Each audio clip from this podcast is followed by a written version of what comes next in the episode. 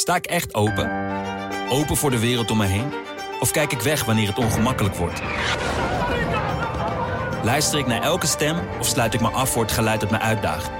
Met de Volkskrant voel ik me verzekerd van een open vizier op de wereld om me heen. Open je wereld. De Volkskrant. Hallo, ik ben Tony Mudde, chef van de wetenschapsredactie van de Volkskrant. Even voordat je begint met luisteren naar deze podcast, we hebben bij de Volkskrant nog veel meer podcasts. Waaronder Ondertussen in de Kosmos, die ik presenteer. En waarin je alles te weten komt over wat er zich in onze kosmos, en dus ook planeet Aarde, afspeelt op het gebied van wetenschap. Dus luister en abonneer je in je favoriete podcast-app. Hallo, mijn naam is Gijs Groenteman. Ik zit niet in een archiefkast op de redactie van de Volkskrant. Ik zit thuis onder de hoogslaper van mijn dochter om een interview aan te kondigen dat ik vorige week heb opgenomen. Uh, het is met een beeldend kunstenaar, een schilder, schijnend tekenaar, uh, van wie ik fan ben. En dat komt omdat ik hem ken van een boekje van hem dat heet Mijn uitzicht om 5 uur. Om 17 uur, 5 uur in de middag. Um, en dat is een boek waarin een hele verzameling gouaches staat. Uh, van het uitzicht vanuit zijn atelier, vanuit zijn studio. en altijd als hij om vijf uur s middags op zijn atelier is, dan tekent hij vanaf hetzelfde punt dat uitzicht. En dat is fascinerend. Het zijn allemaal, ja, ze lijken op elkaar die tekeningen en toch ook weer helemaal niet. Ze zijn toch weer ook heel anders. En dat is zo interessant. En bovendien is hij ook nog, ja, bevalt zijn stijl mij gewoon heel erg. Hij is naast kunstschilder, is hij ook nog archeoloog. Uh, hij heeft veel in Syrië uh, gegraven en getekend. En uh, nou, ik uh, ben bij hem langs geweest. Luister naar mijn interview met schilder Theo de Feiter.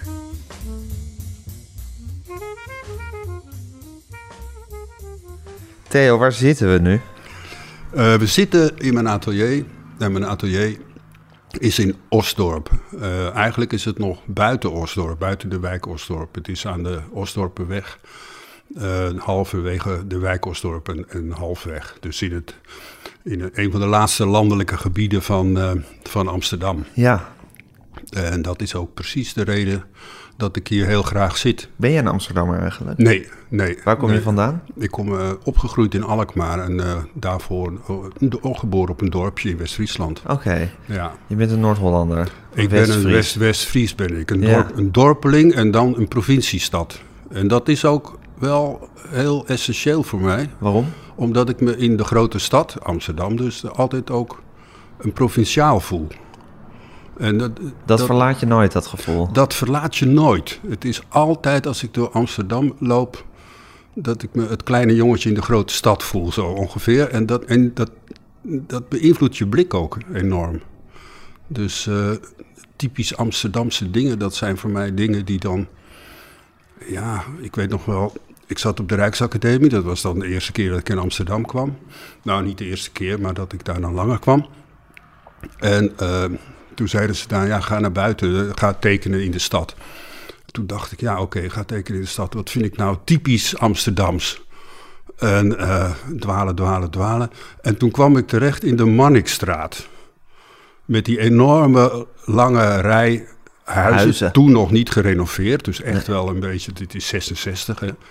Um, beetje dus, haveloos? Uh, haveloos en dan zo'n enorme rechte uh, daklijst. Eindeloos ging dat door, af en toe onderbroken door zo'n timpaan. Dat vond ik heel interessant, dat ze dan dat toch nog zo'n beetje zo af en toe zo'n tempelvorm hadden, hadden gegeven. En dat vond ik dus, dat, en dat heb ik toen getekend. En voor mij was het, dacht ik, dat is toch typisch Amsterdam. Uh, maar ja, toen kwam ik dus op de academie en laat je dat zien en zo. Oh ja, ah ja, oh de Marnixstraat, ja ja. Zo, dat was echt totaal... Not dan eigenlijk dat je dat had getekend. Ja, wat moet je daar nou doen, weet je En, wat, en ze hadden verwacht dat je naar de gracht zou gaan en een klokreveltje zou tekenen of zo. Ja. Wat hadden ze verwacht iets, van je? Ze hadden iets verwacht, ja, wat... Uh, meer landschappelijk, denk ik. Een, een, een singel met een boom en dan wat huizen en dan mensen vooral ook. Dat ja, is, dat... maar zou dit nou gewoon jouw blik zijn? Dat je, dat je kiest juist voor de Marnixstraat. En dat je inderdaad, als je het zegt, zie ik hem vormen. Goed, ik ben in Amsterdam, zie ik die rij huizen vormen. Eh, of zou dat, zou dat dus typisch voor jou zijn? Of zou dat komen omdat je uit een, uit een provinciestad komt? Ja, ik denk dat het feit dat ik uit de provincie Dat dat jou maakt? Nou ja, Voor een deel, voor een deel. voor- ja, Ja. die blik die wordt daar wel door bepaald. Dat je dus niet... Kijk, ik heb in, in principe aan geen, met geen enkele wijk in Amsterdam een emotionele band. Want ik ben er niet geboren, ik ben er niet opgegroeid. Eh, dus dat is allemaal hetzelfde. Grachtengordel, buitenwijk doet er niet toe. Het is allemaal grote stad eigenlijk. Ehm, nou verandert dat wel een beetje, want ik woon nu al in Amsterdam nou ja, sinds mijn studietijd, dus in 79. Of daarvoor tijdens de academietijd, maar dan, daarna, toen ben ik gaan studeren aan de Universiteit van Amsterdam, dus toen woonde ik er ook. Dus nu al vanaf 79. Dus dat is toch wel al ruim 30 jaar. Ja, maar ik moet hier ook aan denken, omdat ik, ik zag een lezing van je online, Ja. die je mij had doorgestuurd. En die ging over eh, tekeningen, onder andere die je had gemaakt in Damascus, in Syrië. En eh, daar heb je ook een beetje, zal ik maar zeggen, het stadsbeeld eh, getekend. En je zei eigenlijk, zowel in Damascus als in Amsterdam, als je aan het bent, dat mensen dan tegen jou zeggen: waarom teken je die auto of dat, dat, dat grote eh, industriële object wat er staat, weet ik veel. Iets wat, maar zeggen, voor lelijk wordt versleten. Maar wat jij eigenlijk ook gewoon de prominent, prominente plek geeft in je tekeningen, die ze ook in het dagelijks leven hebben, zeker in de stad. Dus er zit ook iets eh ijzerheinigs in jou, of iets eigenzinnigs, dat je vindt dat al het lelijks erbij hoort. Ja, tenminste, dat- wat, wat, wat men lelijk vindt, laat ik het zo Ja, zeggen. ik heb me die blik een beetje toegeëigend ook. Hè. Eerst ontstond dat spontaan, maar vervolgens heb ik me dat een beetje eh, toegeëigend. En wat interessant is aan dat soort motieven, zoals in die buitenwijk, is dat het, is nog nooit geschilderd. Meestal niet Ja, net tenminste. gaan in, ging om de buitenwijken van Damascus. En Ja. ja, ja, Of van welke stad dan Ja. ook. En, eh, en het is nog nooit geschilderd. Vaak niet tenminste, althans. En zoiets is natuurlijk interessant. Je, je, je, je kan het een beetje zelf vormgeven bijna. Ehm, en, en dat is... Dus er, er ligt niet een voorgeschreven eh, compositie of manier van kijken... Die, nou, niet dat die voorgeschreven is, want je kan er altijd van afwijken... maar je neemt dat natuurlijk toch mee. Dat, Uh-huh. is, dat is bijna niet te vermijden. Eh, en in die buitenwijken heb je dat niet. Er is geen voorgeschreven blik. Je hebt geen voorbeelden eigenlijk. eh. nee. En er is niet al een soort, eh, laten we zeggen, esthetische consensus over Nee. van wat, wat er mooi aan is en waarom en hoe je dat het beste vast moet leggen, zo ongeveer. Precies. Ja, Ja, en dat vind ik interessant. En ook is interessant eigenlijk de hele ontwikkeling die dan zoiets heeft. Want inderdaad, de eerste reactie van de mensen is altijd... eh, ja, wat doe je hier? Je moet in de binnenstad zijn. Dat is mooi, zeg Ja. dan nog een beetje zo nadrukkelijk achteraan. Eh, dat is mooi. Eh, maar dan meestal op de tweede blik... dan eigenen ze zich dat toch toe. Dus dan, het is wel hun buurt. En dus dat ze zijn er ook een beetje trots op. ja, dat vind ik dan altijd zo ontroerend. Dat ze eerst beginnen met van het, hier is toch niks te beleven en het is lelijk. En ze eindigen met van, eh, nou dat ze toch eigenlijk wel heel leuk vinden dat er een schilder. dat want dat dat een is, schilder is die het vast komt leggen. ja, want dan is plotseling weer een kunstschilder een soort waarmerk dat het mooi is. Een soort bewijs, anders zou er geen kunstschilder op afkomen, nietwaar? Want die schilderen alleen mooie dingen. Ja. Dat moet dus toch wel mooi zijn dan. Ja. En dat herkennen ze ook heel duidelijk vaak, want ze wonen er zelf. En dan krijg je natuurlijk ook eh, dat ze zich een beetje zo beheerder van de wijk voelen. Dus dan gaan ze ook meedenken van... eh, ja, en als je dan schildert, vergeet je dan niet... eh, eh, ja, weet ik veel... Ehm, ik heb een boekje gemaakt, Hemelsbreed, over een lijn door Amsterdam. En dan op een van die punten zegt dan iemand... ja, kijk, zie je daar, is dus dat eenrichting eh, verkeersbord dan in werkelijkheid. Maar dat zie ik niet op jouw schilderij. Ga je dat nog wel... ja, ik zeg, dat weet ik niet helemaal zeker, want het is wel heel prominent aanwezig. Hè? Dit is echt natuurlijk een kleuraccent en dat moet ik even...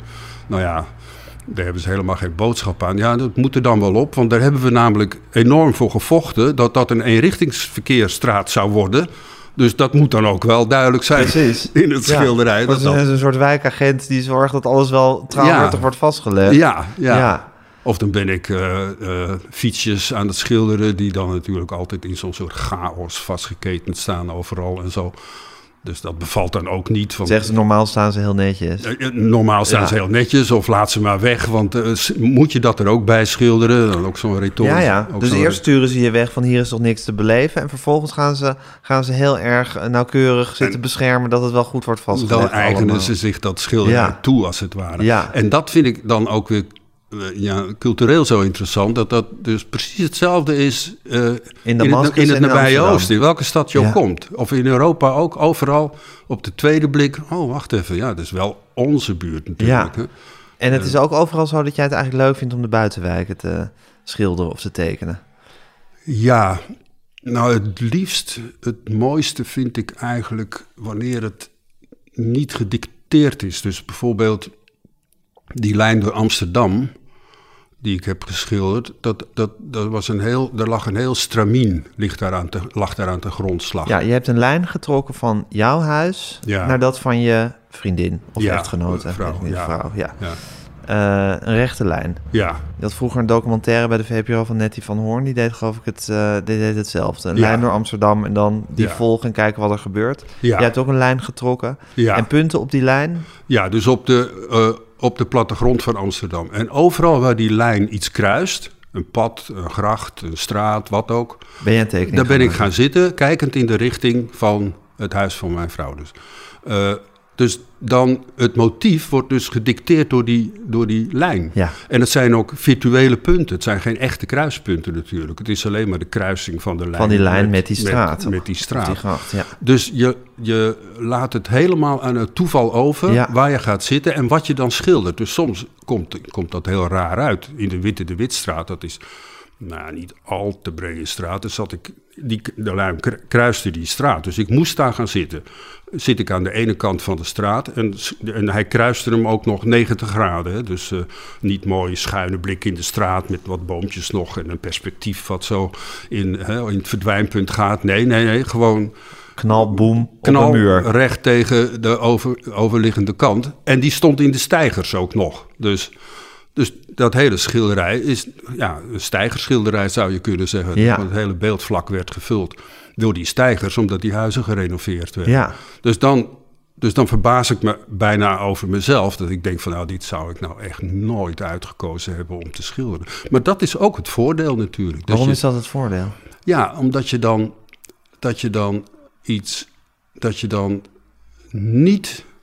Het is heel moeilijk om te ontkomen om aan de culturele erfenis van hoe een compositie eruit moet zien. Een landschap of een stadsgezicht hè, met, met, eh, eh, ja, met Verdwijnpunten. een coulissenlandschap, een Ja. verdwijnpunt. eh, eh, hoe heet die, die dingen weer die op de voorgrond staan op het toneel?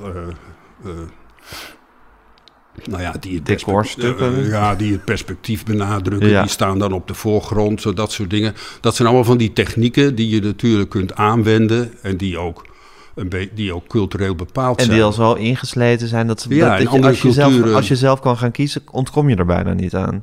Je trapt vanzelf in die val eigenlijk. Ja, precies. Ja. En, en door het aan het toeval over te laten, dwing je jezelf om dat niet te doen. Ja. En dat vind ik, dat vind ik interessant. Dat Ja. je dus de, dan, ja, dan, dan kan je iets toevoegen, als het ware. En het is ook wel echt een Europese Ja, traditie. grappig dat je dus iets toevoegt door iets af te nemen. Door eigenlijk je eigen keuze af Door te je- nemen, voeg je iets toe. Door je te beperken. Door het toeval, door Ja. het toeval Ja. leidend te laten zijn. Ja, Ja, het je- grappige is, want ik, ik, ik blader door dit boekje. Eh, dit, dit was vlak voordat we de opname begonnen. En ja, ik vind dat je, ik, ik hou ontzettend van jouw stijl, dus ik zat er enorm van te smullen meteen. En ik zei dat het me deed denken aan het boek Aarsmans Amsterdam, een beroemd fotoboek van Hans Aarsman, die eh, nou volgens mij niet volgens een methode plekken in Amsterdam heeft gekozen om te fotograferen, maar wel enorm worstelde, dat weet ik ook omdat ik hem ook wel in die tijd heb gesproken en daarna ook wel, met eigenlijk het uitschakelen van de fotograaf tussen, tussen Ja. de foto en de kijker. Hij wilde eigenlijk, dus hij had ook een vaste hoek waarin zijn camera moest hangen. Hij wilde volgens mij op een willekeurig moment afdrukken. Hij wilde dat er zo weinig mogelijk keuze zat tussen, tussen, de, fotograaf, tussen de foto en de, en de ontvanger, of de kijker van de foto. En worstelde daar enorm mee, want uiteindelijk merkte hij, was het toch niet mogelijk om zichzelf daar helemaal uit, eh, uit weg te halen uit dat proces. Ja, En jij zei, Hans is een voorbeeld voor mij in vele opzichten. ja. En dit is exact waar jij zelf ook mee Ja. zit. Dat je, dat, dat je al die keuzes eruit wil halen die je, die je toch maakt als kunstenaar. Ja, en bijvoorbeeld eh, bij Aarsman herinner ik me dat hij een, eh, de fotodetective... en dan bezoekt hij de- het huis van eh, eh, Sherlock Holmes, geloof ik, in Londen. Ja, weer zijn idool. Eh, sorry? Zijn idool, Sherlock Holmes. Ja. ja. Eh, nou ja, fototoestel mee natuurlijk. En dan eh, is hij daar weer weg. En dan realiseert hij zich dat hij toch weer niet die trap heeft gefotografeerd. Die natuurlijk toch een belevenis is als je daar, als je daar bent. En dan lang op gewacht innerlijk en dan ben je er eindelijk. En dan, dat zijn van die, dat herinner je dan bij een museum, de deur en zo en de, de hal. Oh, nou ben ik er, weet je wel. En dat hij dan toch vergeet daar die foto te maken. Dus dat, dat vond ik, dat vind ik een indrukwekkende passage eigenlijk. Want Ja. dat is voortdurend die alertheid die, die, je, die, je, die, je, die je verlaat en, en die je probeert te, te onderhouden. Ja. Eh, eh, de- de worsteling daarmee eigenlijk. En hoe was het voor jou om die lijn te volgen en die, en die, eh, en die werken te maken? Ja, dat was dus heel spannend, omdat eh, niet alleen vanwege dat die schilderkunstige opgave, dat je dan eh, die parameters stelt, hè, die beperking, je legt jezelf een beperking op. Ehm, ehm, en die beperking, die brengt je eigenlijk tot iets, tot, tot nieuwe ontdekkingen, of die, die kan iets toevoegen. Maar het is ook nog zo dat je als je buiten schildert, en ik maak zo'n schilderij helemaal af hè, buiten, dus ik zit daar, eh, nou ja, afhankelijk Je gaat het niet op je atelier nog eens een beetje zitten Nee, bijwerken. nee. Waarom niet? Eh, nee, het moet helemaal buiten, omdat eh, ja, buiten schilderen, dat voegt op zichzelf eigenlijk al heel veel. Niet dat ik al mijn werk buiten schilder hoor, zo is het ook weer niet. Nee. Maar als ik buiten schilder, dan schilder ik ook echt Buiten. buiten. En dan voegt dat ook wel echt iets toe, omdat het je op kleuren brengt bijvoorbeeld, of contrasten brengt, waar je anders nooit op zou komen. Echt, dat bedenk je niet. Gewoon door dat licht. Door het licht en door de, door de lichtval en door het verglijden van het licht. En natuurlijk schilder ik niet eh, één op één die kleuren en die contrasten. Maar een kleur die ik zie, die moet je natuurlijk vertalen in een kleur op, eh, in mijn geval op papier, omdat ik met gouache werk.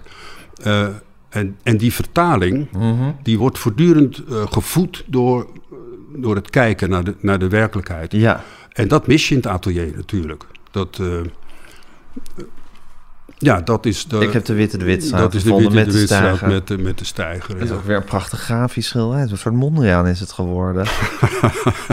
Nou, Mondriaan hield niet van diagonalen. Hè? Nee, dat is waar. Daar heb je gelijk in. Sorry, een beetje dom. Ja, een beetje meer Bart van der Lek. ja, Van der Lek is het. Ja, Van Ja. der Lek, ja. Ja. Ja, precies. Maar goed, zo, zo is, dat, is dat buitenschilderen is dan eigenlijk essentieel. En je vindt het misschien ook weer een beetje vals spelen als je daar binnen nog aan zou gaan zitten werken. Of als je dat... Nou, het, het in, be- in beperkte mate kan het wel. Omdat als je lang buiten bent geweest, dan zitten die contrasten en die kleuren als het ware nog op je netvlies. Ja, En een paar uurtjes werkt dat nog in het atelier, is- mijn ervaring. Maar dan eh, de volgende dag is het het uitgewerkt. is niet zo dat je het tegen de regels vindt. Want ik heb het gevoel dat jij ook gewoon daarvan houdt om jezelf regels te stellen. Als ja, je gaat ik werken. hou, van, ik hou van het stellen van, van parameters, Ja, als het precies. ware. Ja, Ja. ja. Ja, ja, dat is wel zo. Eh, dus ik vind het ook wel een beetje tegen de regels. Maar dat neemt niet weg. Ik maak heel veel werk ook gewoon in mijn atelier natuurlijk. Zeker, maar dat is een ander werk. Maar dat is dan Dat is een ander werk dan ja. dit, dan dit, dit Ja. specifieke buitenwerk. Eh, ja, Ja. ja. Ja, precies. Dat buitenwerk. En je houdt van die parameters om jezelf dus die beperkingen op te leggen.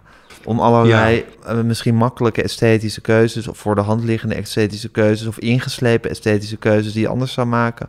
om die in ieder geval eruit te krijgen. Ja. ja, ja, ja. En waar nog bij komt, dat ook bij buitenschilderen ook altijd leuk is dat je heel veel mensen ontmoet. Dus die praten enorm tegen je aan en hebben dus allerlei meningen en commentaren en zo. En eh, meestal, als ik, dat, als ik het daarover heb met collega's, die, dat lijkt hen verschrikkelijk. Maar ik vind dat leuk, omdat het, het zegt ontzettend veel over hoe mensen naar kunst kijken. En hoe ze naar hun eigen omgeving kijken ook. Dat is altijd hele onthullende. En boeit, eh, boeit jou uit- dat? Ja, dat vind ik heel, vind ik heel boeiend. Waarom? Dat, ja, waarom? Dat zou ik eigenlijk niet. Ja, Misschien kunnen we even hardop over nadenken. Ja, Misschien komen we ergens. misschien komen we ergens. Ja, ja waarom? De, wa- de, de waarom-vraag. Nou ja, het is Maar- toch.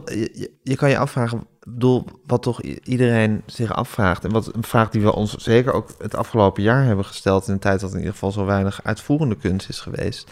Van wat is toch de betekenis eigenlijk van kunst? Wat heb je aan kunst? Wat moet je ermee? Wat doe je daaraan? Het is toch ook iets waar kunstenaars altijd een beetje voor moeten vechten. en zich bijna moeten voor moeten verantwoorden.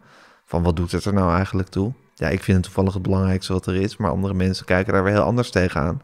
Ja, Maar misschien is dat toch ook wat boeiend is als je met mensen erover praat, dat je gewoon te horen krijgt wat iedereen daarin ziet eigenlijk? Of is dit een te simpele... Ik gooi maar wat op, hè? ja, ja. Wat, de kind, ja, wat ze erin zien, maar ook zegt het heel veel over de relatie tussen kunst en werkelijkheid. Heel vaak. Bijvoorbeeld, heel veel, heel veel mensen die, die zeggen bijvoorbeeld... eh, ja, je zit hier nou te schilderen, maar is het niet veel makkelijker om een foto te maken? Ja, Dan zeg ik, ja, dat zou makkelijker kunnen zijn, maar dan krijg je wel iets heel anders natuurlijk. En dat moet ik ze dan uitleggen. Dat dus het resultaat van een foto. Dus dan, en dan, en zo, ik heb het één keer ook echt gedaan. Nam ik met mijn, eh, met mijn telefoon een foto van dat motief. En dat hield ik dan naast dat schilderij. Dus toen zei ik, nou, mag jij de verschillen opnoemen. Dat zijn er natuurlijk enorm. Formaat, kleuren, techniek, uh, uitstraling, ga maar op. Dat, alleen maar verschillen. Ah ja, oké, ja, ja. Hm, nou ja. En toen zei hij tot slot, ah ja, maar eigenlijk, eigenlijk ben je dus gewoon een hele langzame fotograaf. Nou ja, vooruit dan maar. dus uh, dat zit er zo ingebakken, dat die foto's, dat is, dat je, en dat je dus... dat dat soort het ultieme is waar je naartoe werkt. Ja, en dat het ook gewoon één op één de werkelijkheid Ja. is. En, en dat is natuurlijk over het algemeen bij uh, een schilder anders. Uh, omdat het heel transparant is. Het is. Je ziet het handschrift, het is één op één. En dat werkt, dat is wel een verschil met landen in het nabije oosten, met name een land als Syrië, dat een dictatuur is natuurlijk. Dat er een veel groter wantrouwen is ten aanzien van fotografen. Oh ja? Ja, natuurlijk, want uh, de moderne fototoestel kan je dus je foto via internet meteen uh, de wereld insturen. De wereld insturen. Ja. Dus, en het is een technisch heel erg ingewikkeld apparaat, een fototoestel, waarvan de fotograaf, die kent dat en die kan dat bedienen, maar normaliter kan niet iemand dat zomaar bedienen. Uh, dus dat is ook al uh, een, een, een, bedreigend. bedreigend. Mm -hmm. terwijl een tekening, dat is heel transparant. Dat is gewoon een lijntje op papier. Het is een handschrift. Het is één op één. Het gaat nergens naartoe. En het is eigenlijk voor veel mensen een, ja, iets gezelligs. Bijna. En dat, dat merk ik hier ook wel. Dat, dat, dat er groepjes mensen zich om je heen vormen. En die gaan ook met elkaar aan, de, aan het discussiëren en zo. En, uh, en plotseling ontstaat er dan uh, al is het maar op een heel eenvoudig niveau, lijkt het of zo, mm -hmm. hè, het schilderij. Of, of uh, ja, heeft, heeft het zin om daar zo lang over te doen? Allemaal dat soort, dat soort vragen. En dat, ik vind dat heel interessant, omdat dat natuurlijk wel iets is, ook al zijn het simpele vragen, daar heb je als schilder toch mee te maken uiteindelijk. Het is wel de basis van, van wat het is. Van je werk, van, van wat je het werk. is. Ja. ja. Van wat het is. Dus daar moet je je ook nooit verheven of nuffig over voelen. Nee, eigenlijk. nooit. Nee dat, nee, dat heb ik ook nooit uh, ge zo gevoeld eigenlijk. Nee. En dan vind ik dus ook nog des te interessanter dat dan... Hoe ging je jezelf eigenlijk tot schilderkunst verhouden als kind? Nou ja, ja, het was voor mij altijd... Uh, ja, het heeft een hele sterke emotionele betekenis gekregen. En het is blijkbaar ook een talent wat je hebt. Dus iets, iets fysieks bijna. Want mijn vroegste herinneringen aan, aan dit soort zaken, dat is altijd over het materiaal bijvoorbeeld. Dus ik herinner me dat ik, uh, ik moet een jaar of vijf zijn geweest of zoiets. Nee, ik kon er geen poppetjes tekenen. Dus het moet dan nog zelfs vroeger geweest zijn. Ik weet het niet precies. Maar eh, ik zat met krijtjes te, te, te krassen in een boek. Ja. Weet je wel. Eh, Soms vind je wel eens zo'n boek op, in een, op een markt of zoiets. En dan zie je van die kinderkrassen erin staan. Is meteen niks meer waard, dat boek.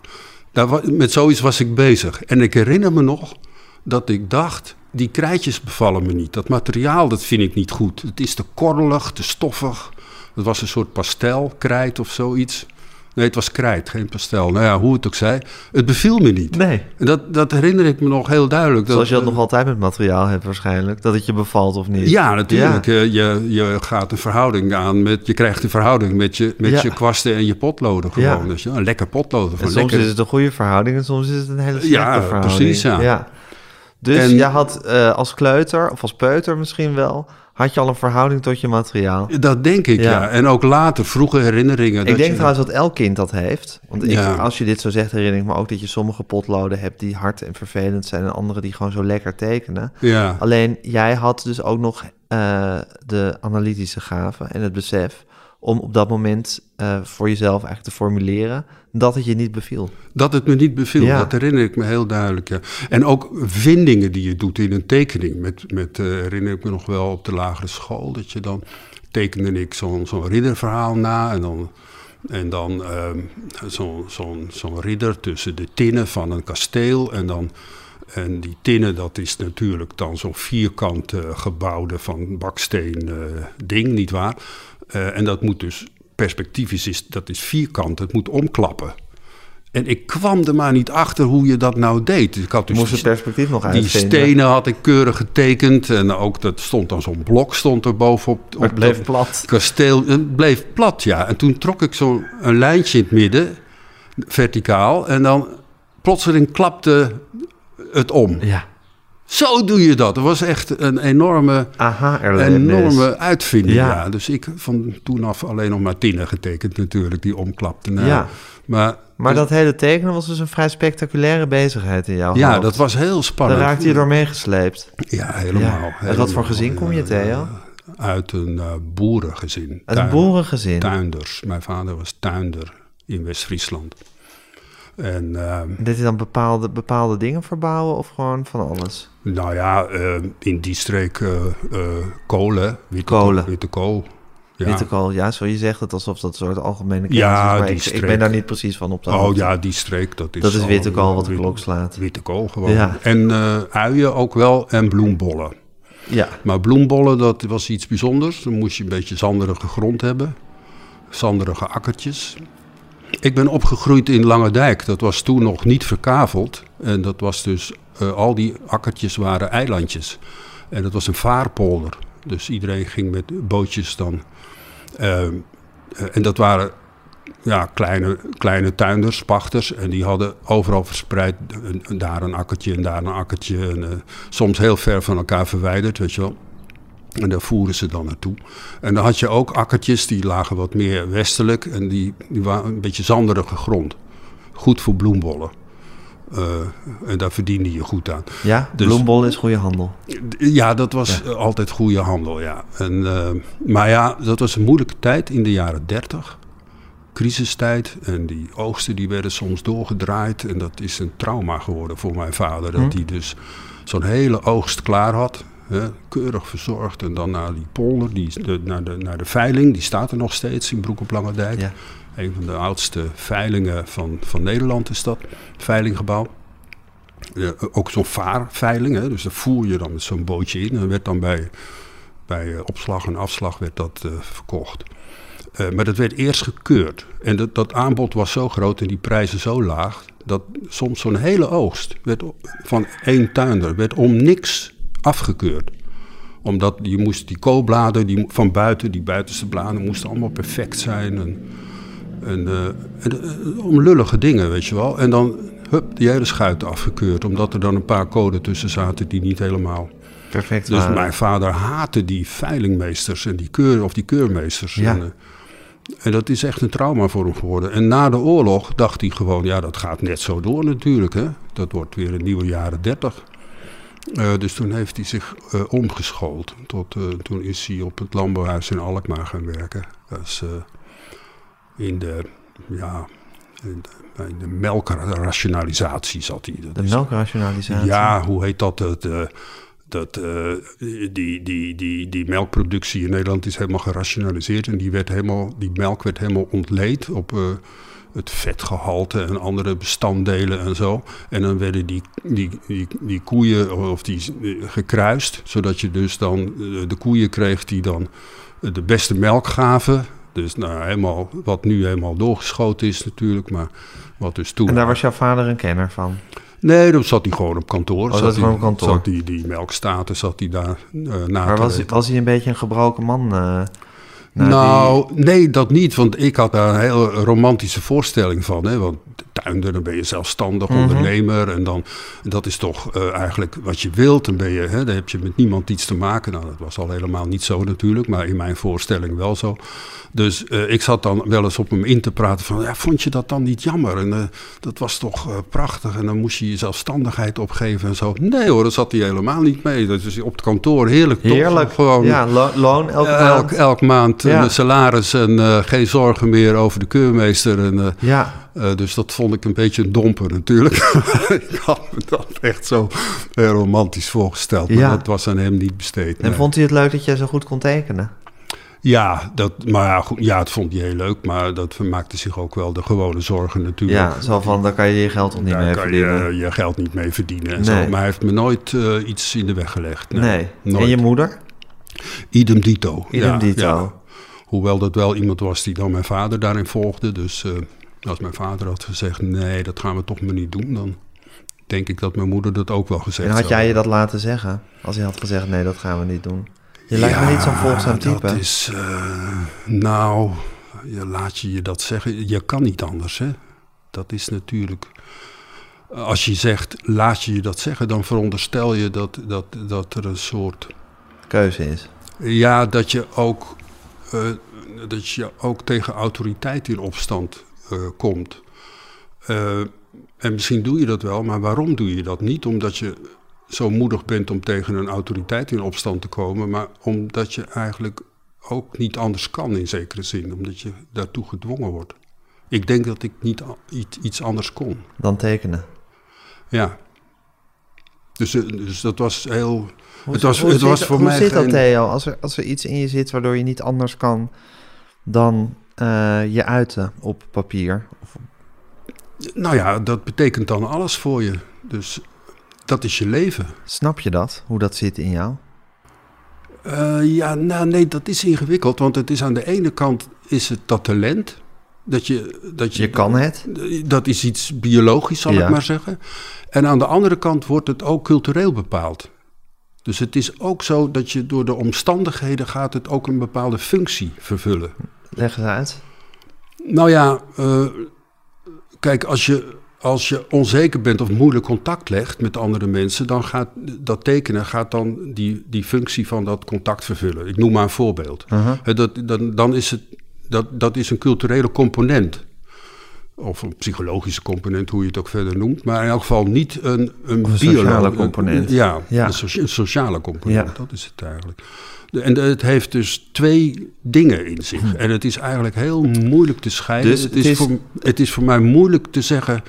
ja, eh, als die sociale component er niet geweest was... zou ik dan ook nog kunstenaar geweest zijn. Of andersom, Ja. eh, eh, als, die, als dat talent er niet... nou, dat in elk geval niet, want zonder talent gaat het gewoon niet Mhm. natuurlijk. Maar, dus dat is moeilijk te scheiden. Het, is, het zijn twee kanten van hetzelfde eigenlijk. Dus Theo, eh, dat talent is er. Je kan, je kan gewoon tekenen. Dat heb je altijd al gekund. Want toen je zat te krassen als klein kind had je al meningen over de krijtjes waarmee je bezig was. En dat is dus blijkbaar iets wat je altijd redelijk makkelijk is afgegaan. Los van alle worstelingen die er bij het kunstenaarschap horen. Maar het wordt ook op een gegeven moment een beetje je identiteit en de manier waarop je je tot de wereld verhoudt. Ja, Dat je tekent en dat je dat kan. En Ja, ja bijvoorbeeld eh, toen ik op de middelbare school zat. ehm, nou, ik was natuurlijk verliefd op de tekenlerares. Eh, of natuurlijk, ik was het in elk geval. Eh, hoe kom ik daarmee in contact? Dat was natuurlijk een enorme opgave. Ik bedoel, eh, ik had les van haar, maar dat is eh, dat, eh, 30 andere kindertjes ook nog. Dus ik wou natuurlijk een bijzonder contact met haar. Dus wat deed ik? Ik schilderde thuis en dan kwam ik, ah, na afloop, die nam ik dan mee naar school in een, in een map, verstopt. Niemand mocht dat zien. En dan na afloop van de les, dan ging ik naar toe van, nou wilt u eens kijken en zo. En dat werkte. Dus ik kreeg een heel bijzonder contact met haar.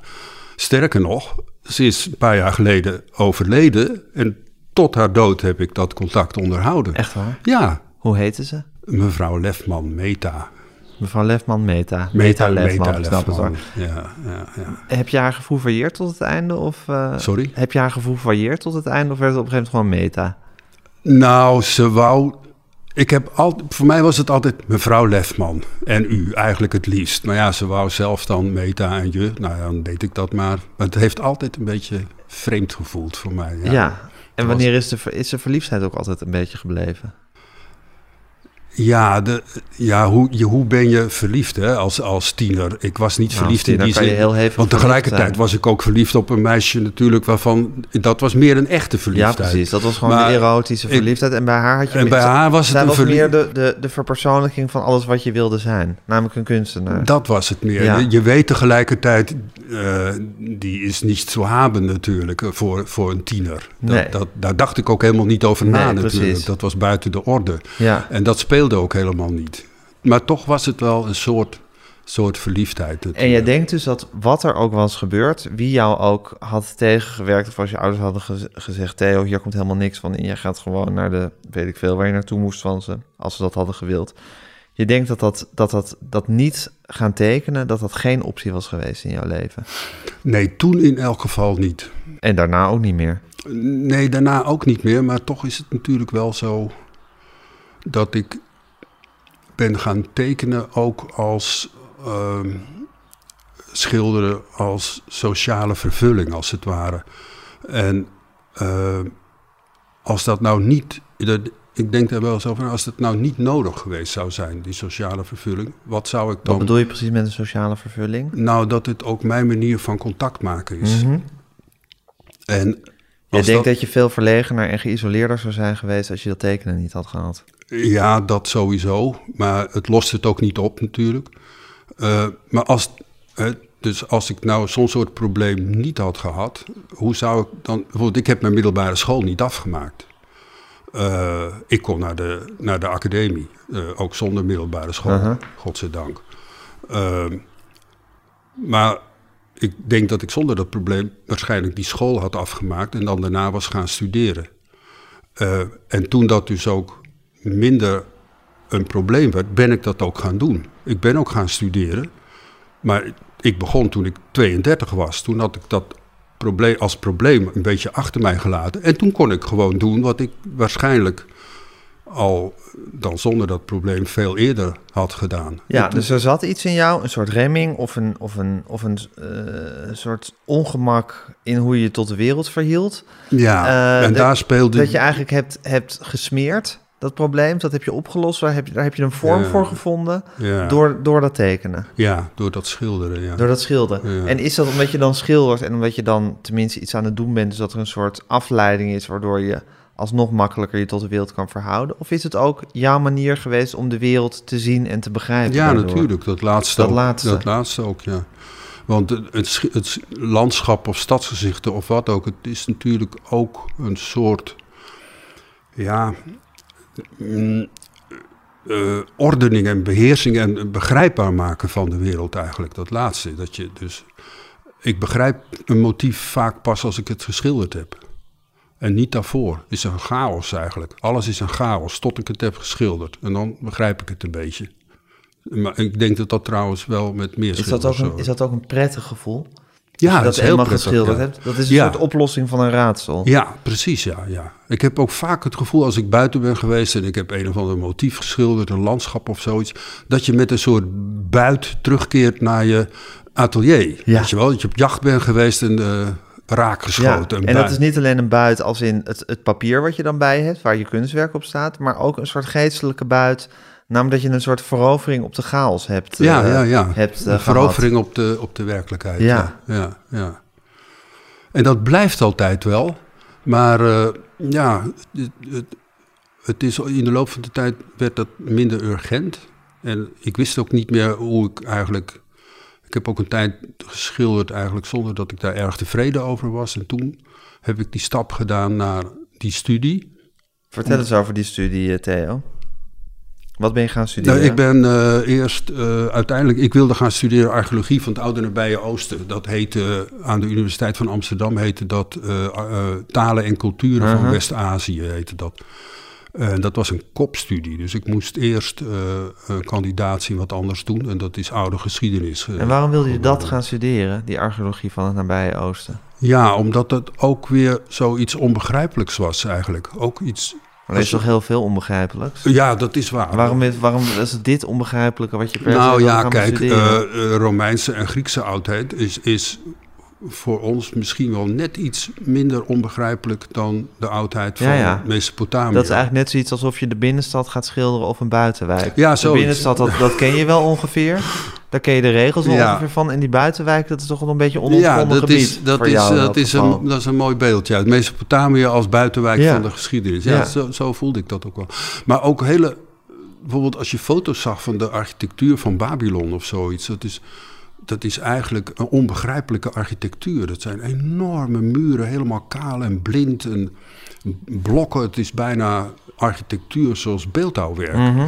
En, eh, dus dat vond ik fascinerend. En omdat ik het ook niet begreep. Heel mooi, maar ook onbegrijpelijk eigenlijk. Ja, Zo uit een andere cultuur dat je dacht, ja. Dus dat is de aanleiding eigenlijk geweest. Dat ja. dat dus eigenlijk zou je wilde. ook kunnen zeggen dat dingen waar jij tijd in investeert, waar, waar, waaraan jij je wil geven, dat heeft altijd iets te maken met het onbegrijpelijke begrijpbaar maken voor je. Eh, Altijd een verovering op de werkelijkheid. Altijd, ja. Ja. Iets wat je niet begrijpt en dan, en dan je daarmee bezighouden. En niet Hoe was dat- als kind, Theo, toen je nog, toen je nog eigenlijk niet, niet die methode had gevonden dat je die, dat je die overwinningen wilde boeken en nog eigenlijk helemaal eh, argeloos in de wereld stond? Ik zit nu een beetje te denken aan een beetje zoals in corona toen er nog niks van een vaccin of zelfs een test was, dat je ook zo, dat we ook nog zo'n soort eh, eh, kansloos tegenover dat virus stonden. Nu ook nog redelijk kansloos, maar nu begint het tenminste een begin van een oplossing te komen. Maar zo moet het voor jou als kind ook een beetje zijn geweest. Dat je in die chaos zat met al die prikkels en eigenlijk begreep je het niet. En het hele sociale was zo ingewikkeld. Ja, en je had nog niet de, de wapens om erop uit te trekken en die overwinningjes te boeken. Nee, maar ik had wel natuurlijk die schilderkunst. Dat begon al. Ja, Ja. ik was eh, dik tevreden hoor met wat Oh, je ik was dik maakte tevreden. toen. Ja, Oké. het is, eh, de, die schilderijen uit, uit toen ik op school zat, middelbare school. Die ben ik nog steeds eh, Heel tevreden heel over. tevreden over. Ja. ja, dat, eh, ja, misschien is dat iets heel persoonlijks, omdat ik gewoon weet welke functie die vervulde. Maar En dat wist je toen eigenlijk ook al, dat ze die eh, functie ja, dat vervulden. wist ik toen ook al, ja. Wat ben je een analytisch ingesteld iemand, hè? Ja, ja is dat zo? Denk ja. het. Als je, als je al op je derde of je vierde weet van dit materiaal bevalt me niet. En als je op je veertiende weet wat de functie is van een schilderij. Ja, maar dat is toch niet analytisch, want dat is een fysieke reactie. Dat je, Nou, het is een, een analyse van de fysieke reactie. ja, dat het je niet bevalt. Nee, dat is iets, iets, iets fysieks. Iets, iets zintuigelijks. Ja, dat snap, snap ik. Maar ik denk dat, want ik zei net, ieder, ik heb ook gehad dat ik heb getekend met potloden die ik niet prettig vond. En toch heb ik niet die hele bewuste gedachte gehad van dit materiaal bevalt me niet. Snap je? Dan heb ik Ja, misschien meer iets intuïtiefs gehad van pak een ander potlood. Zonder dat ik zo'n soort hele duidelijke analyse maakte van dit materiaal bevalt me niet, ik wil ander materiaal. Ja, maar schilderen is, is iets heel zintuigelijks. Zeker, schilderen is iets heel zintuigelijks, maar vervolgens heb je wel een hele heldere analyse gehad, al dus toen je op de middelbare school zat, over wat dat zintuigelijke schilderen voor een functie had in jouw leven. Nou, dat voel je meer. Ik had niet. Oké. eh, eh, ik analyseerde dat niet rationeel of zo. Maar je Nee. wist het gewoon. Ik voelde het. Ik, Je wist, ik wist het. het. Je wist door, het. Door het gevoel wat ik erbij Ja. had. Ja, dat wel. En die archeologie, dat was ook misschien om te begrijpen waar die mensen zoveel duizend jaar geleden mee bezig waren? Of, Ja, zeker. Dat is, ik, ik was, eh, toen ik 32 was, was ik eh, misschien wel de meest gemotiveerde student van de Universiteit van Amsterdam. Ik, ik genoot alleen maar. Het was geweldig. Alles eindelijk op zijn plaats. En eh, kon je dat bestuderen. En, dan, en ik had voortdurend, dacht ik, oh zo zit dat in elkaar. Weet je, dat, waarom heb ik dit niet eerder gedaan? wat dan bijvoorbeeld? Weet je nog een voorbeeld van een enorme soort... Nou ja, eh, ja, we hadden van die werkgroepen over de Franse revolutie. En dan, eh, dan eh, werd, dat, uh, werd er een aantal van die filosofen, dat zijn dan uh, die Franse intellectuelen, die zo'n soort, die, die, die, de, die de, in, in de verlichtingstijd, die, die dan, laten we zeggen, de Franse revoluties ongeveer hebben voorbereid. En dat werd dan, per werkgroep werd dat verdeeld, een aantal van, en dan moest je daar een soort biografie van schrijven en ja. zo. En dus dan hou je je bezig met de bronnen en met zo, met zo iemand en wat heeft hij geschreven en zo. Dus de teksten echt uit, die achter, uit de 18e eeuw en zo. Ja, ik vond het heerlijk. Ik dacht echt de stemmen van mensen uit die tijd, 18e eeuw, die direct zo tot, tot je, spraken. Tot je spraken. Dat vind ik nog steeds uh, indrukwekkend als je, als je tekst uit andere 17e, 18e eeuw, wat ook, weet je wel als die direct zo tot je spreken, dat dat kan. Dat, en het is allemaal ook zo, zo makkelijk bereikbaar tegenwoordig op internet. Want het, ja, ik ben toevallig nu bezig met, met een boek over Palmyra, over de geschiedenis van de ruïnes van Palmyra, mm -hmm. om precies te zijn. En, en Palmyra is voor Europa ontdekt in de 17e eeuw. Zijn er, een ruïne is een, is een oude rotzooi? Pardon? Zo'n soort zin had je in die uh, puinhoop. Je vergelijkt een ruïne oh, de puinhoop. In uh, ja, een uh, puinhoop is een moderne ruïne. Een ruïne of puinhoop, ja. ja. ja een puinhoop is eigenlijk een, een moderne ruïne. Ja. Een recente ruïne. Een recente ja. ruïne, ja. En een ruïne, dat heeft iets eerbiedwaardigs, ja. ja. Nou, dat is in die tijd ontstaan, in de 17e, 18e eeuw of zo. Uh, en dan uh, ja, dan zijn er dus reizigers, Engelsen, Nederlanders ook, uh, Fransen, uh, allemaal teksten uit. En dat is allemaal op internet zo tevoorschijn te roepen, gedigitaliseerd, ja. gescand. Dus je ziet die boeken echt uit die tijd zo, tot, zie, zie, je, zie je voor je en zo. Ja, ik vind dat nog steeds. Maar je genoot van die studio, ja, van die studie, ja, van die studie, eerst oude geschiedenis en toen archeologie. Ja, geweldig. vond dat vond je fantastisch. En is het kunstenaarschap en eigenlijk de wetenschap, wat je dan toch aan het bedrijven bent, zijn die altijd hand in hand gegaan voor jou? Nee, want ik heb altijd gedacht, wetenschap dat is toch wel echt iets heel anders dan kunst. Uh, wetenschap, dat is ja, dataonderzoek en heel veel bureauwerk. Kijk, archeologie, ik groef in Syrië. Nou, iedereen heeft daar een romantisch voor, uh, beeld bij. Ik, ik eigenlijk ook. Het is, ja. het is eigenlijk ook heel Met avontuurlijk. Met je daar ergens op een ja, andere plek dat, zitten. Ja, ja, Dat, is, dat, is, dat heeft natuurlijk iets romantisch. Maar ja, er is ook wel heel veel dataonderzoek en bureauwerk en... Uh, uh, de, massadata en zo. Uh, dat komt er ook bij kijken natuurlijk. Dat is dan, dat is dan minder romantisch. ik ben even de draad kwijt wat ik nou. Of wetenschap en kunstenaarschap oh, ja. altijd hand in hand zijn. dus dat is iets heel anders dan de kunst. Ik zei al, ja. de kunst het is toch iets zintuigelijks ja. hè, uiteindelijk. En met, met materiaal. Pas al die rationalisaties of dat analyseren, dat is allemaal achteraf. Allemaal achteraf. Als je het maakt, bestaat dat niet. Echt niet. En, uh, en dat is in de wetenschap. Uh, heb je natuurlijk ook met intuïtie te maken. De echte, de echte getalenteerde wetenschappers. Want ik beschouw mezelf niet als zodanig. Maar die hebben natuurlijk ook met intuïtie te maken. Dat is zonder meer. maar ik had alleen te maken met het suffe werk, zal ik maar zeggen. En een beetje romantiek. Um, dus dat is toch wel echt een verschil tussen die twee. dacht ik. totdat vrienden, collega's van mij zeiden van... ja, maar het heeft eigenlijk wel veel meer met elkaar te maken dan je misschien wel denkt. Want zo'n project als, als die lijn door Amsterdam... dat heeft ook iets archeologisch natuurlijk. En zeker in de stad als Amsterdam, dat uit schillen is gebouwd... Hè, dus uh, ja, je gaat van, van de van de, uh, van de nieuwe wijken van nu. Ja, uh, ja, 19, of, uh, ja 19e eeuw, jaren 20, 30 enzovoort. Het zijn jaarringen. ja, ja, ga je.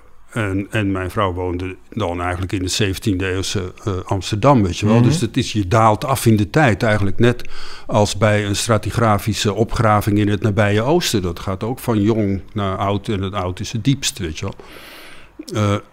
Dus dat is eigenlijk een beetje een archeologisch project. En ook die uitzichten bijvoorbeeld die ik maak, dat is ook, ook weer dat vaststellen van die parameters. En ja, dan... dat is, dat is het boekje waar we het nog niet over hadden, het boek waar ik helemaal gek van ben. Mijn uitzicht om vijf uur heet het. Ja. Het, is, je, uh, het zijn allemaal gouaches die hier op deze plek hebt gemaakt, waar we nu zitten. Ja. Dus het was voor mij ook toen ik hier kwam, was een beetje of ik een heel beroemd iemand in, voor het eerst in het echt ontmoeten omdat je namelijk elke dag dat je hier, ik weet niet of je het nog altijd doet. Ja. Elke dag dat je als, je, als je hier bent, om vijf uur s middags, dan teken je vanaf dezelfde plek hetzelfde uitzicht. Ja, Ja. Eh, in het begin, ik ben er al heel lang geleden mee begonnen, in 1999 al. Uh, dus ik doe het al heel lang en toen was ik heel, uh, ja, toen deed ik het heel consequent. Elke dag als ik in het atelier was om vijf uur, dan, Mhm. dan schilderde ik dat uitzicht. Ehm, inmiddels doe ik het eigenlijk wel weer tamelijk consequent. Ik ben iets minder op mijn atelier rond die tijd. Dus dan neemt de frequentie af. En ook in andere tijden nam de frequentie wel eens af. Maar in principe doe ik dat, doe ik dat nog steeds. En dat zijn allemaal vastgestelde parameters. Dus de, de plek in het atelier, de kijkrichting, het tijdstip, vijf uur. Uh, het formaat van uh, het papier, dat is A4. A4. Uh, nou, 95% is gouache. Soms maak ik wel eens een tekening of een, ja. of een pastel, maar dat is eigenlijk zelden. Dus, allemaal, dus dat ligt allemaal vast. En dan schilder je dat uitzicht. En vervolgens blijkt dat het alleen maar verschilt. Dat vind ik zo eigenaardig. Dat, dat je zelfs onder gelijkblijvende omstandigheden, nietwaar? Als, als, zoals in de zomer, dan verandert er weinig. Mensen zijn op vakantie, de, de auto's veranderen niet, uh, het licht verandert niet. En dan maak je op twee achtereenvolgende dagen dat uitzicht. En het is niet hetzelfde. Ja. Je bent gewoon, het is misschien een open deur, maar je kan niet hetzelfde schilderij maken. Dat vond ik dan eigenlijk toch wel. Wat uh, concludeer je? Van, van fascinerend. Ja, dat er dus toch. Nou ja, dat je sowieso niet één op één de werkelijkheid maakt, natuurlijk. En dat er altijd ook natuurlijk een interpretatie dan. En dat, en dat jouw interpretatie van dezelfde persoon op dag 1 een andere interpretatie is dan op dag 2. Ja, dat verschilt blijkbaar. En dat zie je aan de kleuren. Bijvoorbeeld de kleur van het dak is, uh, nou ja, dakpannen. En iedereen heeft daar een bepaalde voorstelling ja, van. Dat is van het huis waar je, waar je op uitkijkt. Ja, ja. maar dan. Ik bedoel, ik, ik, ik, probeer nog steeds na, uh, na 30 jaar probeer ik de kleur van die dakpannen te, te treffen. Dan ben ik nog steeds. De ene dag denk ik, nee, het is toch, er zit een beetje paars in. Nee, het is toch de volgende dag een beetje bruinig misschien. Nee, toch meer de volgende dag oranje misschien of zo. Nog steeds ben ik daarmee bezig. Dat is toch wel eigenaardig eigenlijk. Dat is toch, dat, dat is toch geweldig, Theo? Ja, dat Het is toch eigenlijk de grootsheid van de menselijke geest, of de menselijke soort misschien wel, die zich hierin uit. ja, dat vind ik. Nou ja, dat, dat, ik vind het zelf, vond ik dat in zekere zin ook indrukwekkend. Dat ik, dat ik dacht, hoe is het mogelijk met zo'n klein motiefje, dat je, dat je daar zo... Met zo'n klein motiefje en zoveel vastgestelde waarden. Dus Ja, dezelfde kunstenaar, Ook meestal nog, ja. hetzelfde materiaal, op dezelfde plek, op dezelfde Ja, hetzelfde uitzicht. Ja, En toch is het elke keer een totaal ander werk wat er gemaakt totaal wordt. anders. En ook wat ik ook zo... Het is ook wel, Theo, dat je denkt van... als je het nou hebt over chaos... hoe chaotisch is je leven eigenlijk... als je dus de werkelijkheid elke dag weer totaal anders ziet? Ja, dat moet je liever niet aan denken natuurlijk. Dat Nee, slaat, slaat een schrikje, Slaat een om, de- schrikje om het hart. ja, Ja. precies. Ja, ja toch, eh, toch lever ik me daar eigenlijk wel graag aan uit ook. Want wat ik, omdat ik het toch ook, ja, ook die banaliteiten van zo'n motief, dat vind ik ook zo indrukwekkend eigenlijk. Dat dat, dat, dat allemaal bestaat.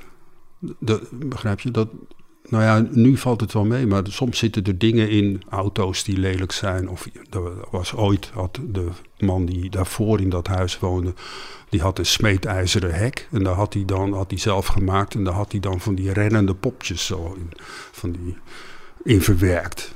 En ik elke dag. En ik kreeg er een hekel aan, aan dat hekken telkens weer. Die, omdat het ook, ja, en de banaliteit van zoiets. Ja. En, en dat, Dat, zijn dit, dat is dit hek. ja, precies, dat Ja. is dat hek, ja. Ja, hek inderdaad. Ja, ja, die rennen dan tegen elkaar in. Ja, En dan moest jij elke dag schilderen. Ja, dat is dan echt een opgave Ja, natuurlijk. hier heb je er iets voor gezet. Ja, dat Want je, was denk- je, soms je, was je beeldt eh, ook altijd af wat er in je vensterbank staat. Daar kan je dan nog een beetje in differentiëren. Ja, ja, nou ook in dat motief zelf wel. Maar inderdaad, Ja. soms dan zoom ik een beetje uit. En dan eh, krijg je ook de, de vensterbank en de, de kozijnen te zien. En we kwamen hierop omdat je zei... dit is eigenlijk ook archeologisch. Ja, dat heeft ook iets archeologisch. Wat dan? Nou, als je, zeker in het nabije oosten, als je, daar heb je te maken met opgravingen van kleitigelarchitectuur. Hè. En eh, als je dat niet bijhoudt, kleitigelarchitectuur, dan, dan erodeert dat. Eh, en dat zie je ook, vandaar dus die tels, die ruïneheuvels die je daar hebt, dat zijn allemaal bewoningslagen uh, geërodeerd. En dan, bouwen ze een nieuw huis, dus egaliseren dat, een huis erop en zo stapelt dat op. En, dus ik heb wel op heuvels gegraven die waren 40 meter hoog. En dat is dan een sequentie van van het vierde millennium, hè, dus laten we zeggen 3000, nou 3500 voor Christus tot het jaar nul dus 3500 jaar heeft zich dat dan zo opgestapeld. En als je dan begin je boven te graven en dan ga je zo naar beneden. En dan bij elke bewoningslaag, laten we zeggen dat je in een huis graaft. Uh, en dan stuit je op een vloer. Dat is altijd belangrijk, omdat dat natuurlijk een, een fase is vaak. dus die prepareer je helemaal uit. Dat, en dan krijg je dus, dat is meestal een beetje leemig, aangestampte aarde en zo. Een kalklaagje misschien nog.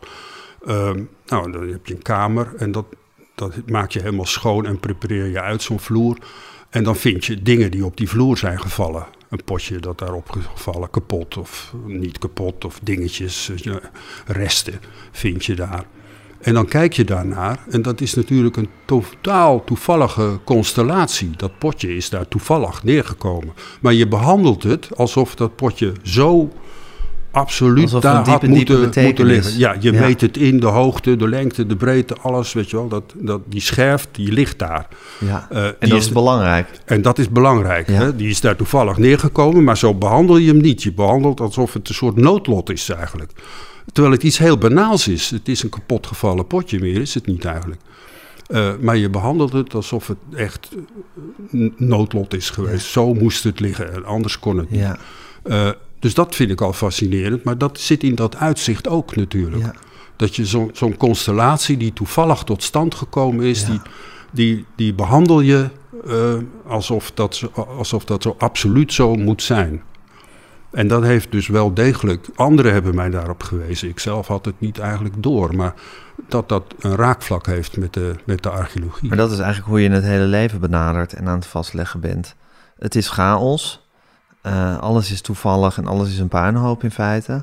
Ja. Eh, en jij gaat zitten en je probeert het eh, vast te leggen.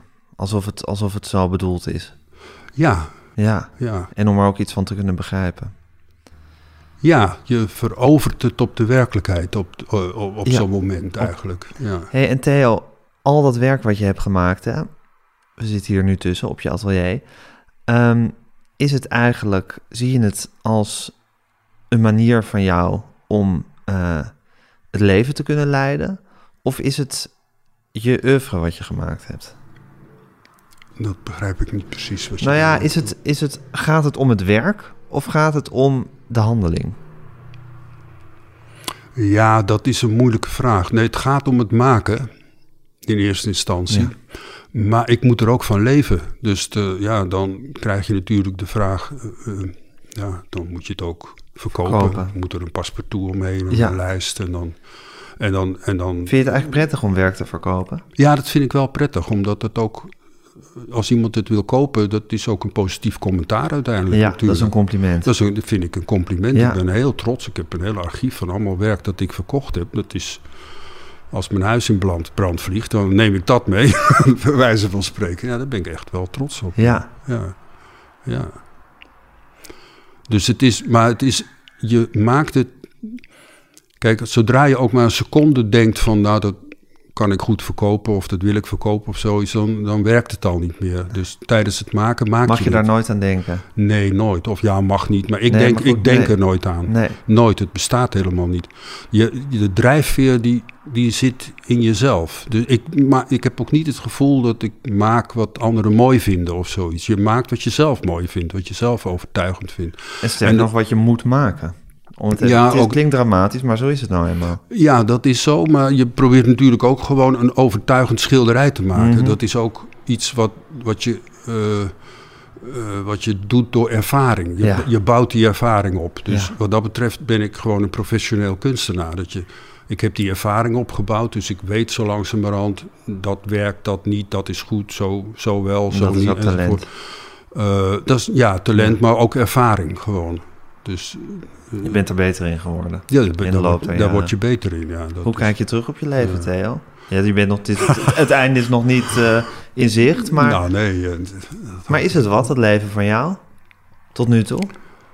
Nou, ehm, ik kijk er nog, ja, ik kijk er wel op terug natuurlijk, maar het is ook nog, het is ook nog bezig. Ik heb mezelf ook weer een beetje opgeraapt, want toen ik 65 werd, dat wordt je zo aangepraat. Hè, Hoe van, ben eh, ik ben nu 73. Ja. En toen ik 65 werd, dan, eh, ik heb nooit eh, van die, van die, ehm, eh, van die crisis gehad. Hè? In, zo van, iedereen van 40, nou, eh, 50 dan. eh, heb ik allemaal helemaal niet gevoeld. Allemaal mijlpalen die jou niks deden.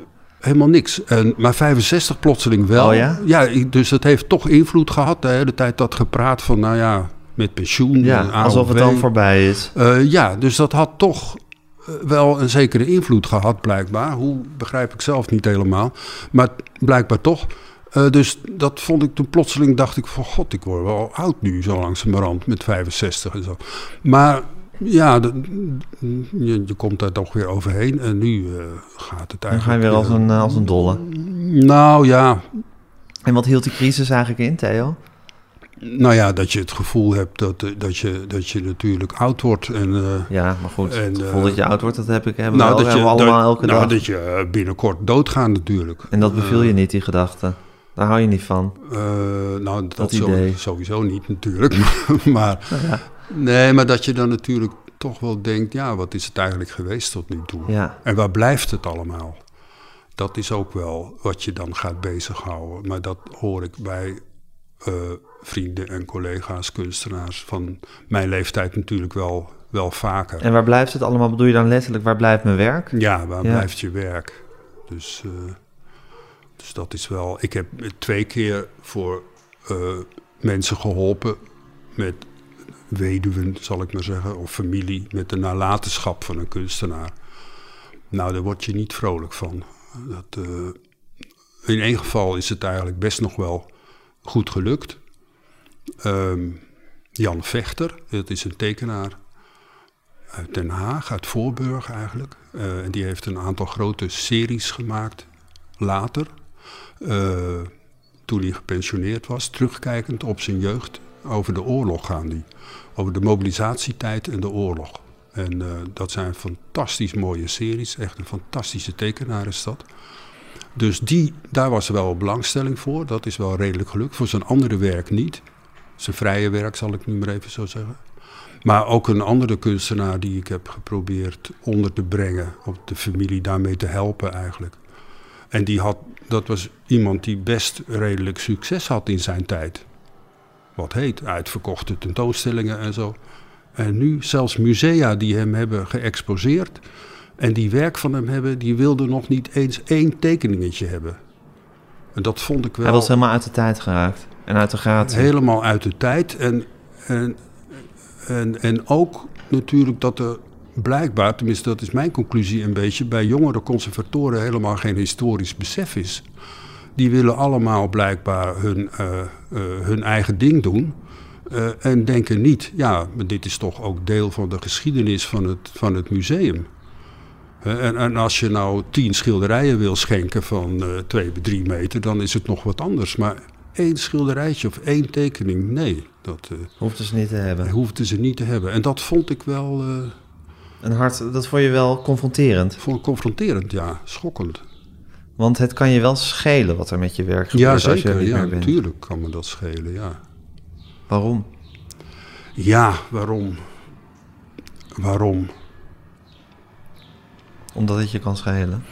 Ja, het is, je maakt dat en je stopt daar zoveel in dat je natuurlijk... Ja, niet dat het... Ja, Het diepe, Kijk, dat het- het dat diepe het- besef dat het allemaal zinloos is geweest uiteindelijk.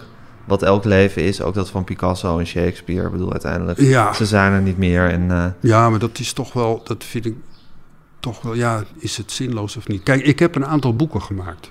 Dat vind ik...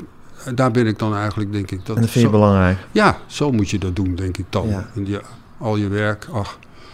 Ja, Maar dan is het een serie, dan heeft het betekenis met elkaar gekregen. Het is ook die verzameling dan. Nou ja, ook omdat ik, ik denk als ik in boek, als ik me herinner hoe ik vroeger als kind al naar schilderijen keek. Mhm. En dat, dat ik dan op een, bijvoorbeeld een middeleeuws schilderij met een of ander heilige leven of zoiets. Dan zag je op de achtergrond, eh, zie je zo'n middeleeuwse stad. En er zijn al, mensen zijn daar bezig. En een winkeltje is open. En, eh, iemand rijdt op een ezeltje en zo. En dan dacht ik, dat is echt gezien in die tijd door die schilder. Hij heeft het wel in zijn atelier gemaakt, maar hij heeft natuurlijk dat toch gezien. En dat vond ik dus vond ik mooi. En dan, en dan hoop ik altijd dat als dus dan... Jij hebt ook echt Een- dingen gezien in, buiten, kind- in buitenwijken, kind- in Osdorp of in, Ja. in een buitenwijk van Damascus. Je hebt het gezien, je hebt het vastgelegd en je hoopt dat het over 300 jaar misschien door een kind gezien wordt. Nou, 300 jaar. Nou maar ja. dat, het- dat, het- dat, dat, iemand dat boek oppakt en dan op, hey, op de achtergrond... hé, hey, daar loopt iemand. Dat is ooit, ooit gezien. Dat heeft ooit bestaan. En dat dat echt bestaan heeft, dat, vind ik, dat blijft, ik, blijf ik indrukwekkend vinden. Zo van die hele banale gebeurtenissen die op zichzelf niks te betekenen hebben.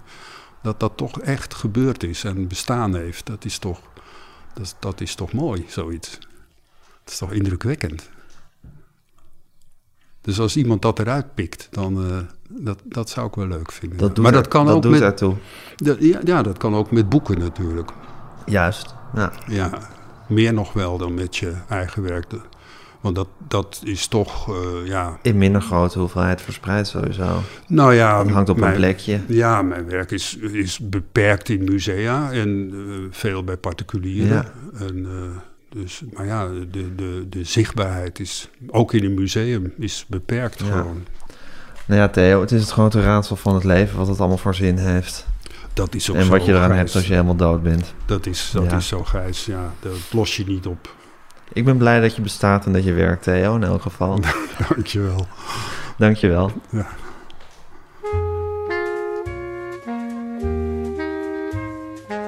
Dit was Met Groenteman in het Nieuwe Normaal met Theo de Feiter. Mijn naam is Gijs Groenteman. Ik maakte deze podcast samen met Daan Hofstee. U kunt zich abonneren op alle mogelijke manieren op deze podcast. U kunt ons een mailtje sturen, podcasts.volksstand.nl. U kunt ons volgen op Instagram, met Groenteman. En geef ons, als dat kan, lekker veel sterretjes.